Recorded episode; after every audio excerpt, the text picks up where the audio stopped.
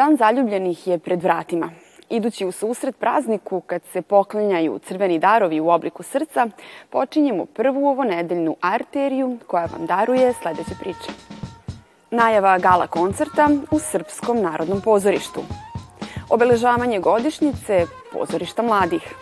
Izložba Ranka Dragića u malom likovnom salonu.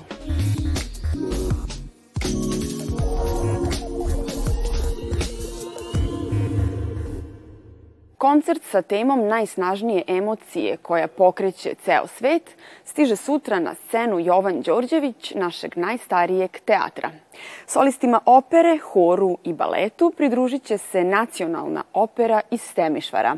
Gost arterije tim povodom jeste direktor opere iz Temišvara, Kristijan Rudik. Dobrodošli u Novi Sad. Kako su na probama sarađivali solisti dveju opera koji će zajedno nastupiti pod dirigentskom palicom maestra Dejana Savića? Na sreću, to je, moram reći, sveža tradicija. Zahvaljujući Sandri Milankov, počeli smo koprodukciju između Novog Sada, tadašnje evropske predstavnici kulture i buduće ovogodišnje predstavnice Temišvara.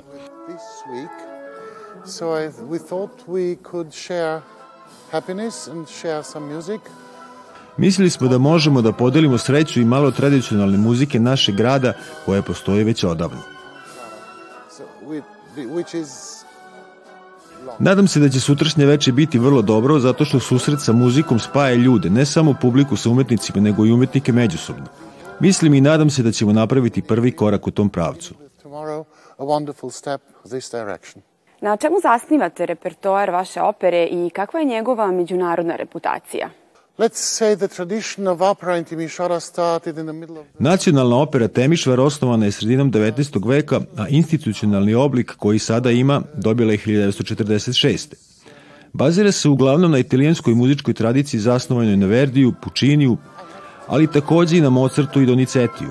Od francuskog repertoara negujemo klasične forme operete kao što su Vesele udovice, Šišmiš, Grofica Marica.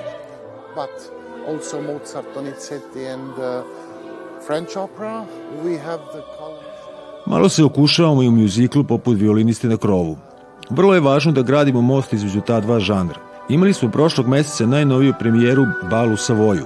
Mi smo poznati na evropskoj kulturnoj i muzičkoj mapi zahvaljujući postavci Štrausove operete Baron Ciganin, jer su prva dva čina smeštene u Temišvaru.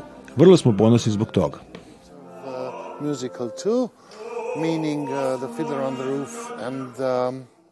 Cilj naše opere na prvom mestu je da oživi kulturni turizam. Dobri gosti očekuju dobru produkciju. Naša predstavnica otvorena je premijerom Bal u Savoju. Sledeća je klasični balet Žizela jer imamo i baletsku trupu. Zatim ćemo pokušati da postavimo remake Adriana Lecouvre, ne toliko poznato delo iz perioda verizma i remake Otelo, koji nije rađen 20 godina. Na kraju godine planiramo najverovatniji balet Krcko Oraščić.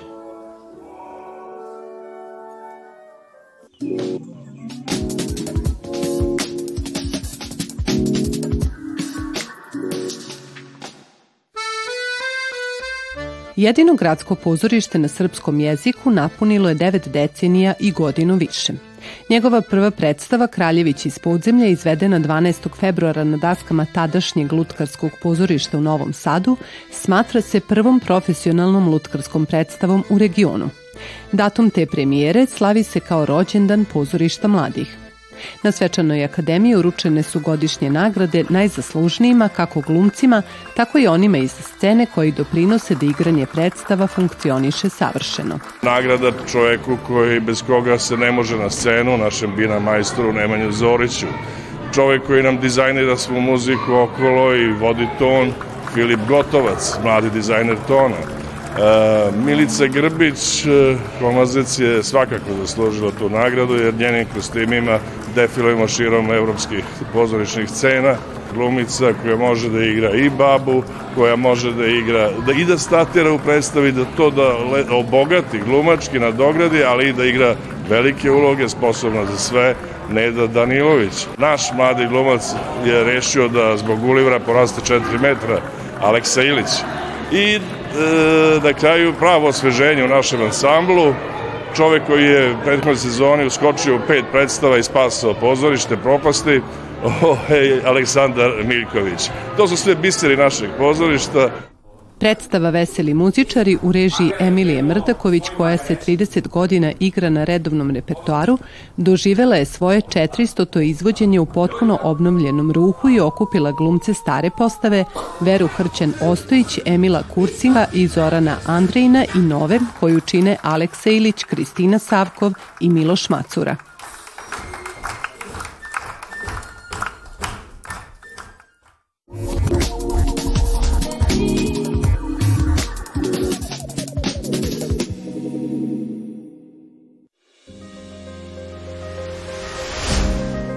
Posle novosadske ženske proze od ispovesti do putopisa, profesor dr. Vladislava Gortić-Petković sa Filozofskog fakulteta u Novom Sadu priredila je još jednu antologiju ženske književnosti pod dvoznačnim nazivom Regiona, može se čitati kao Regiona u izdanju Saveza feminističkih organizacija Rekonekcije iz Novog Sada.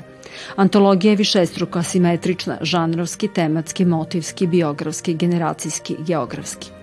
Antologija regiona obuhvata rad 17 autorki, pri čemu je naravno u ovakvoj antologiji moglo da bude i 70 njih s obzirom na kvalitet regionalne ženske proze i poezije, autorke koje stvaraju i žive na potezu od Mostara do Vancouvera, autorke koje u svojoj poeziji i prozi pišu o svakodnevici koja vrlo često ume da eksplodira u kafkijanski absurd, One pišu o godinama 90. ali i o godinama tranzicije. One pišu o godinama koje bi Florence Welch nazvala godinama nostalgije i užasa. Ova antologija između ostalog pokušala da, udružujući prozu i poeziju Lane Bastašić, Milene Marković, Maj Solar, eh, Ane Miloš, eh, Olje Savičević-Ivančević, eh, Senke Marić i još nekoliko njih, da pokaže kako one zapravo sjajno pišu poeziju i prozu, kako one zapravo delaju na nečemu što deluje kao dva koloseka, ali je to zapravo jedan isti kolosek. Kolosek umetničkog izražavanja, kolosek umetničkog promišljanja svog identiteta, ženskog identiteta. Kao sumarni pregled savremenog literarnog izraza spisateljki, priređivačica povezuje književni prostor koji odavno nije jedinstven, ali jeste premržen brojnim vezama. Iako je po svojoj opredeljenosti nepretenciozna, ne drži se principa proporcionalnosti i reprezentativnosti. Regiona je ipak svetionik koji obasjava žensku književnost nekadašnje nam zajedničke domovine, a njena autorka apeluje na veću čitalačku pozornost i snažniji prijem u javnosti jer tela u njoj to zaslužuju.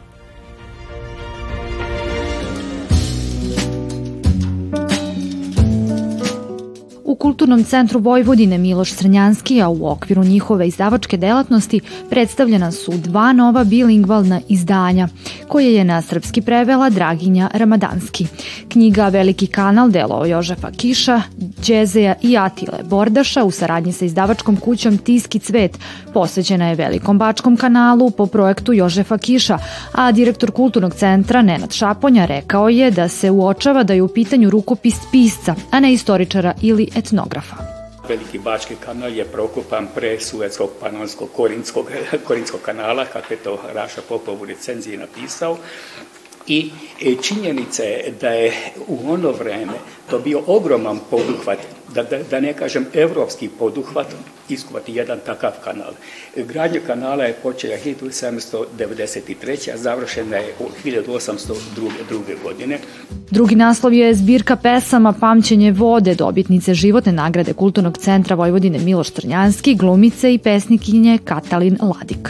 Knjiga koja vas onako, kako je otvorite, odvede u jedan e, drugi i drugačiji svet. Otvaraju se razni prostori, otprilike vatromet novih odnosa, novih stvari, metafora, a i neko malo vraćanje u prošlost, čini mi se.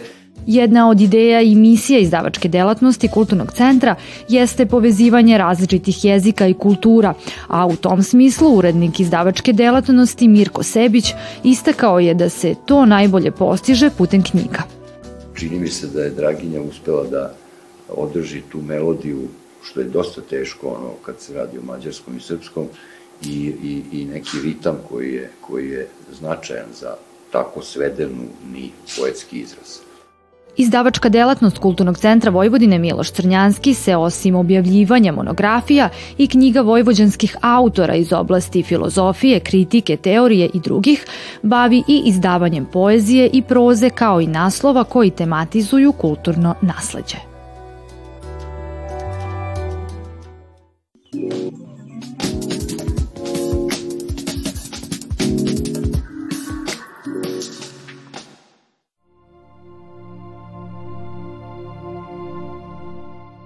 Od večeras galerijski prostor malog likovnog salona krase skulpture umetnika Ranka Dragića. U pitanju je postavka pod nazivom Gora, u okviru koje se autor predstavio svojim najnovim ciklusom radova. Ovog puta sam e, predstavio jedan deo iz serijala e, koji se zove Šumolik. E, to su skulpture u kome su grupisane te forme drveta uz neko blago uzvišenje. Kako autor ističe, ukoliko može da postoji pejzažno slikarstvo, zašto ne bi postojala i pejzažna skulptura? Na prvi pogled posmatraču je jasan uticaj prirode na umetnikovo sagledavanje sveta oko sebe.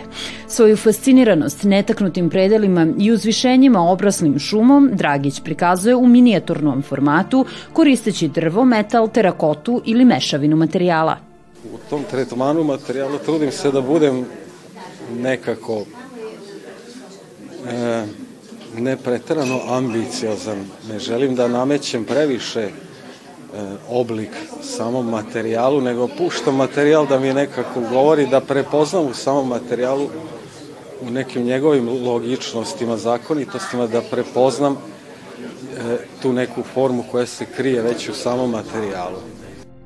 Ranko Dragić svojim skulpturama prenosi atmosferu prostranih prirodnih okruženja, smeštajući sve lepote šumskih prostranstava u male formate koji i tekako odišu pulsacijom i ritmičnošću koju odlikuje spoljašnje okruženje. Izložba će biti otvorena do 24. februara. Povodom Valentinova najavljujemo još dva događaja u kulturi Novog Sada. Gostovanje opere i teatra Madlenijanum sa predstavom Setna komedija Kazanova protiv Don Juana Miodraga Ilića u sali Nisa i izložbu karnevalskih kostima Ljubav pod maskama Vesne Jakić u Muzeju Vojvodine. I ne zaboravite da samo ljubav skida sve maske. Prijetno!